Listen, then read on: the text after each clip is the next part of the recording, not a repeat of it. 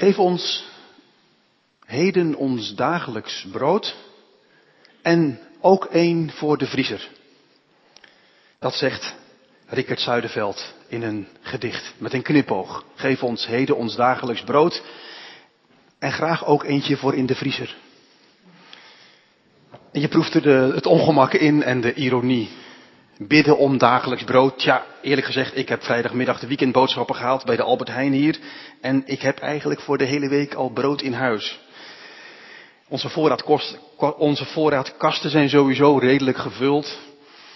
We zijn ook prima verzekerd en hebben ook zicht op een prachtig pensioen ooit. Nou, een hypotheek heb ik niet, maar u vast wel en die zal ook al voor een heel stuk zijn afgelost.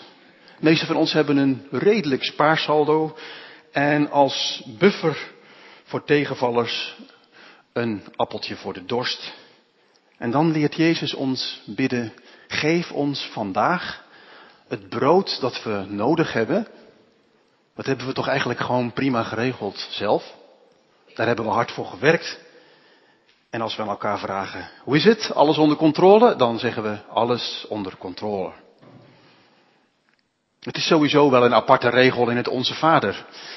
Ik bedoel, na dat verheven begin van Onze Vader, uw naam, uw koninkrijk, uw wil, zoals in de hemel, zo ook op aarde. Ik bedoel, dat is een groots verheven begin. Moet het daarna dan echt gaan over de boterham op mijn bordje? Oké, oké. Ik snap, het moet misschien gaan over verzoekingen. Het mag gaan over onze schulden. Maar kom op zeg. Mijn boterham? Is dat niet te banaal? Te gewoontjes, te klein? Heeft God niet iets anders aan zijn hoofd dan wat ik eet of drink? Dit is de gedachte die al leefde onder de eerste christenen. Ze zeiden tegen elkaar, we zouden ons niet te veel bezig moeten houden met aardse zaken. Die gaan immers voorbij, die zijn voorbijgaand en tijdelijk, vergankelijk. Belangrijker dan ons lichaam is toch onze ziel, zo zeiden ze. Laten we ons onthechten. Laten we ons losweken van aardse zaken. En gericht zijn op wat blijvende waarde heeft. Het eeuwige, het hemelse, het geestelijke. Er was zelfs iemand in die tijd, zijn naam was Marcion, die vond het hoog tijd voor een Bijbel 2.0. En hij pakte zijn schaar en hij knipte uit zijn Bijbel het complete Oude Testament. Hij zei, daar ben ik sowieso klaar mee. Een God die kinderen, een God die mensen zegent door ze een lang leven op aarde te geven. Zoveel mogelijk kinderen en een land vol melk en honing. Dat kan toch niet de God zijn die ik ken. Dat is toch veel te aards.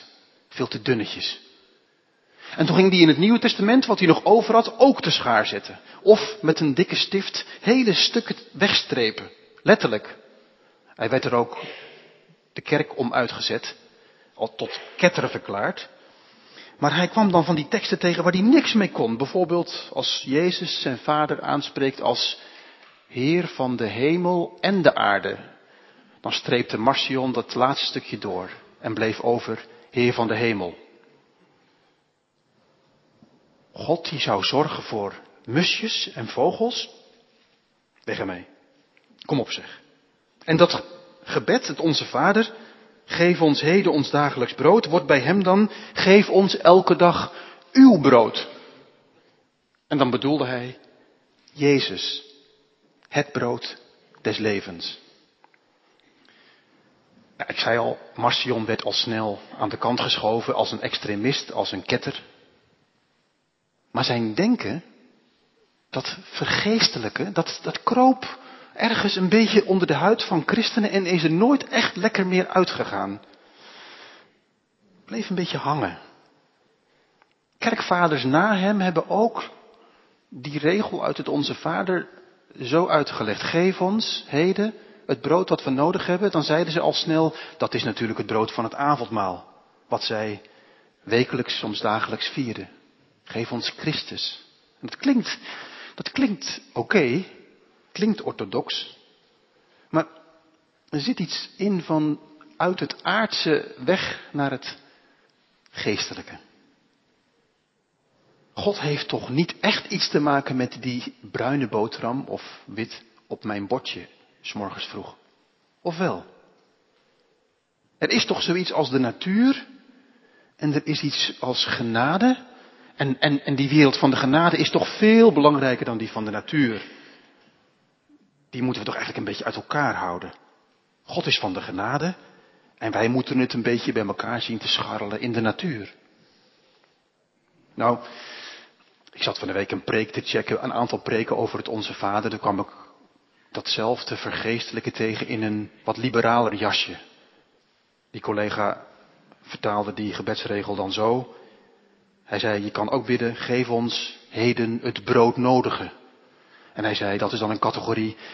Hij begon dan uit te leggen in zijn preek, wat hebben mensen nodig om mens te zijn? Nou, een beetje aandacht, een beetje liefde, een beetje waardering, dat je erbij hoort, dat je gezien bent.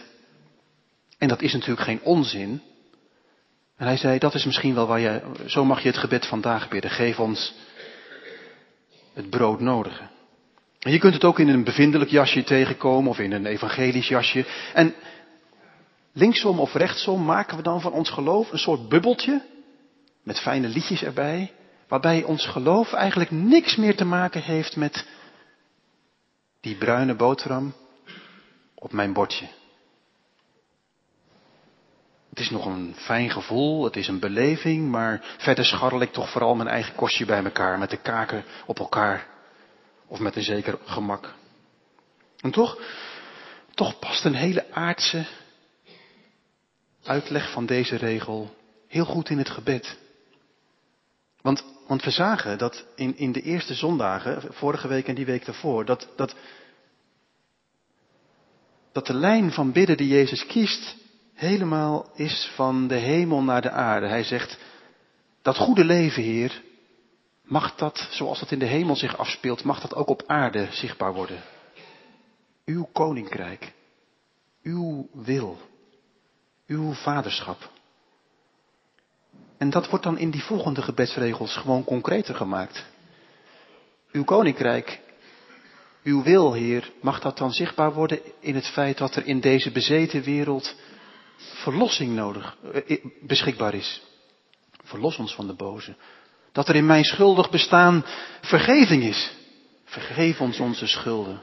En dat er in deze geschonden op deze geschonden planeet voor iedereen genoeg te eten is. Geef ons vandaag te eten. Het past ook wel bij Jezus. Ik weet niet hoe uw Jezusbeeld is, maar misschien dat we van Jezus onwillekeurig ook iemand maken die, die vooral op het hemelse gericht zou zijn, maar hij ziet echt de hele mens. Zeker, hij bevrijdt ons van gebondenheid, hij vergeeft onze schuld, maar hij, als hij zijn eerste teken van zijn glorie geeft, dan werkt hij met water en wijn. En als er heel veel mensen naar hem komen luisteren, dan zeggen de leerlingen nou, heer, we hebben nu goed voor hun ziel gezorgd, nou moeten ze zelf maar naar de warme bakker. En dan zegt Jezus, nee, ik hoor hun hongerige magen, geven jullie hen te eten. En hij vermenigvuldigt brood en vis. En in een bijzinnetje ergens zie je, zie je hoe Jezus in elkaar steekt. Dan, dan heeft hij zo'n meisje van twaalf opgericht uit de dood. Talita kumi. En hij pakt haar hand en het, en het kind staat op. En het hele huis begint, is in rep en roer. En dan zegt Jezus, bijna niemand heeft het gehoord, tegen de moeder. Geef het kind even wat te eten. Ze zal wel honger hebben. Dat is Jezus. In het onderwijs wat we zojuist lazen, zegt hij tegen, tegen zijn leerlingen. Je hemelse vader weet wat je nodig hebt. Hij weet dat je honger hebt, elke dag opnieuw. Dat je zou kunnen zeggen, ons, ons, ons menselijk bestaan wordt door twee vormen van kwaad aangevreten.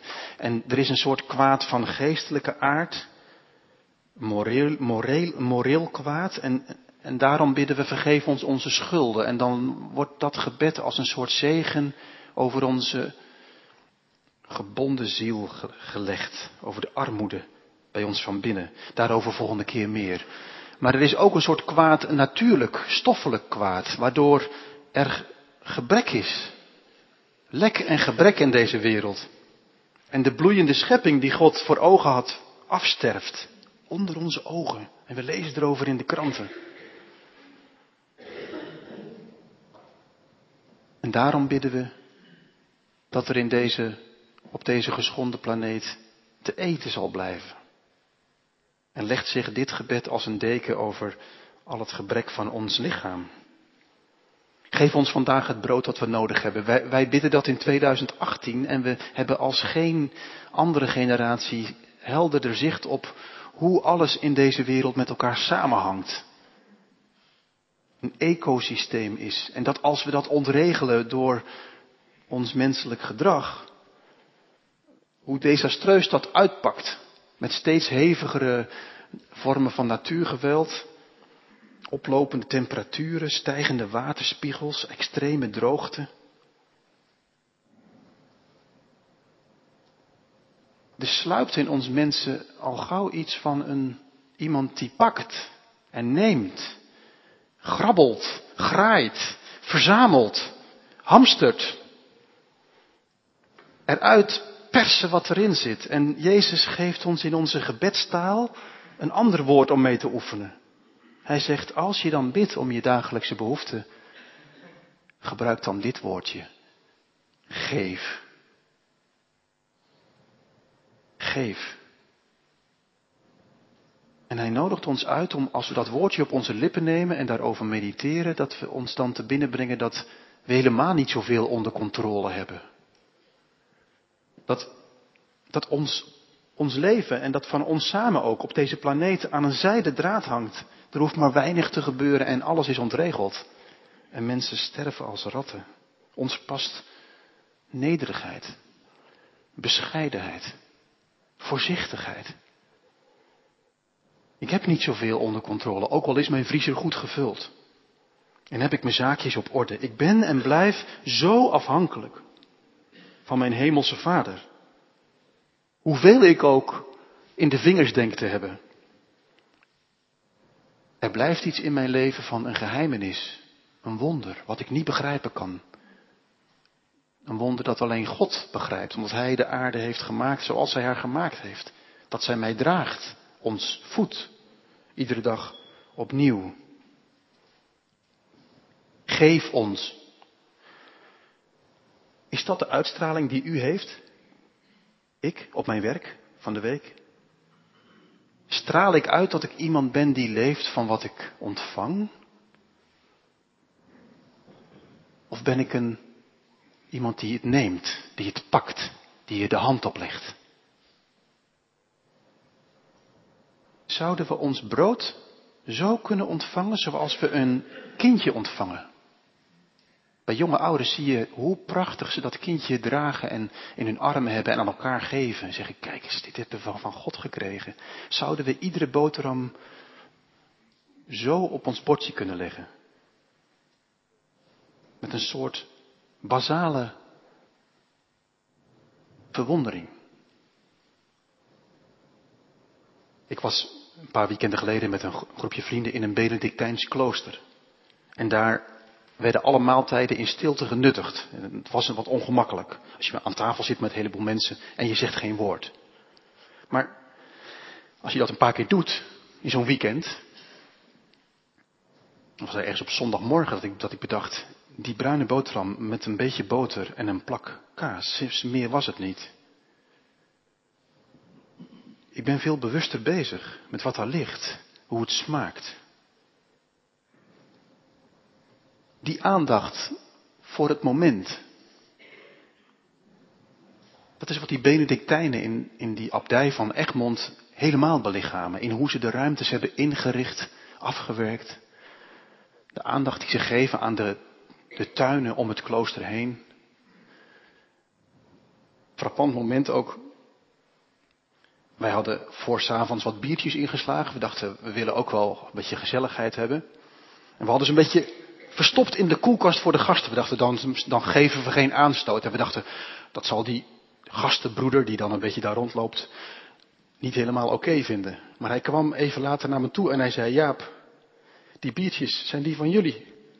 En ik zei, ja, en ik verwachtte een berisping. En hij keek me aan en hij zei, ik heb een paar hele mooie bierglazen voor je. En hij zei, als je dan bier drinkt, drink dan goed. En die avond schoof hij zelf aan in zijn monnikpij. En dronken we samen een glas. Het raakte me zo, want die zondagmorgen was er ook de Eucharistie. Het was zo verzorgd. Het was zo'n feest voor de zintuigen. Alles, overal was over nagedacht. De liturgie tot in de puntjes verzorgd. Wierook, gewaden, prachtige muziek. En alsof je even in de hemel bent.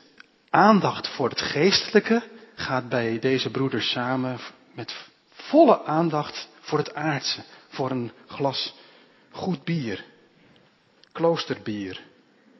Geef ons vandaag het brood dat we nodig hebben. Het is, het is niet zozeer dat een gebed om Heer, laat het maar brood regenen zoals in de woestijn. Nee, het is een, een gebed om, geef ons de genade dat we ieder ons brood kunnen verdienen. Dat het allemaal functioneert. Dat we de gezondheid hebben, de energie om ons brood te verdienen en te maken, te bakken, te kopen. Het is een gebed om de voortgang van Gods goede schepping.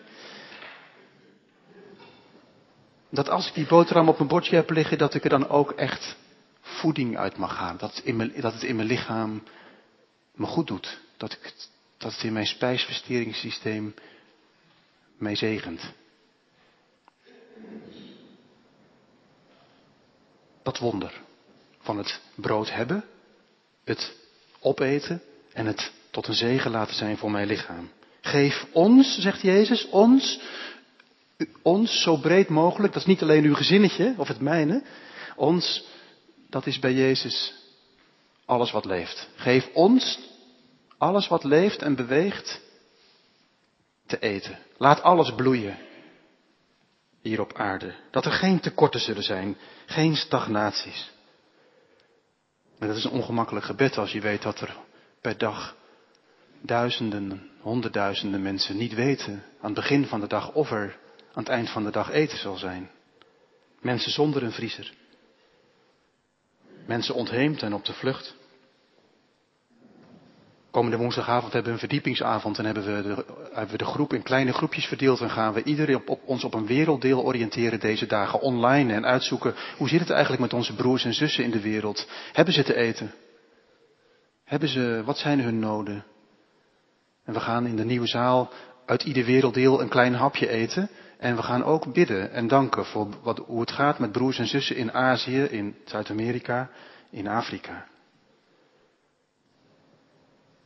Geef ons, ons, het brood dat we vandaag nodig hebben. Wij met onze volle vriezers en onze eindeloze buffers, ik ook. Wij mogen leren om deze zin te spellen. Geef ons vandaag iets om te eten. Wat laat ik mijn leven vaak vergallen door zorgen voor morgen? U ook misschien? Wat jammer is dat. Jezus leert ons die les die de Benedictijnen zo hebben bewaard in hun traditie. Leef in het moment. Leef dag voor dag. En kom iedere dag maar met je lege bordje bij mij. En vraag dan om genoeg voor deze dag. En morgen, morgen ben ik er weer, Heer, om dan te vragen voor wat ik dan nodig heb. Jezus zegt, geef ons vandaag het brood dat we nodig hebben. Simpel. Geen gebakje, geen taart. Brood. Mooi om in de Bijbel dat te zoeken, die, die balans tussen overvloed, feesten. Jezus vermenigvuldigde brood en vis. Jezus vierde maaltijden. Jezus maakte water tot wijn. Hij wist van overvloed, maar er zit ook een soort grondlijn in het Bijbelse denken van matigheid, van zelfbeheersing. Die twee mogen alle twee een plek vinden. Jezus zegt, ik ben de goede herder. Ik wil graag een overvloedig leven bereiden. Tegelijkertijd, zegt Galaten 5, vers 22, een vrucht van de geest is matigheid. Geef ons vandaag het brood dat we nodig hebben. In mijn eerste preek over het Onze Vader citeerde ik Oswald Chambers. En hij zei dit. Veel eerder dan dat gebed dingen verandert, verandert gebed mij. En dan verander ik dingen. Nou ja, als je die uitspraak legt naast deze gebedsregel, wil Jezus wellicht van al te gulzige, hebberige mensen, die soms zich zo verliezen in wat ze allemaal denken nodig te hebben, weer mensen maken. Gewone, natuurlijke, ruimhartige mensen.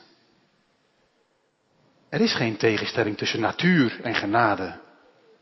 Genade wil niets meer dan de natuur herstellen, zodat ik weer functioneer in het geheel en een mens word die er gewoon plezier in heeft en zin in om te delen en te zorgen voor alles wat bloeit. Ja, ik denk eigenlijk dit. Als je dit gebed bidt, misschien vandaag nog, en deze zin op je tong neemt en proeft, en je zegt, geef ons vandaag het brood dat we nodig hebben, ja, dan bid je toch eigenlijk, Heer, maak mij dan in uw handen tot brood. Breek mijn hebzucht. Breek mijn kramp. Breek mijn angst om niet genoeg te hebben. Breek het. En maak me tot brood voor de mensen om me heen, tot een zegen. En leer mij dan om elke dag van alles waar u mij zo overvloedig mee zegent, ruimhartig te delen en zo blijmoedig, ontspannen bij te dragen aan zorg en bloei van alles wat God gemaakt heeft. Amen.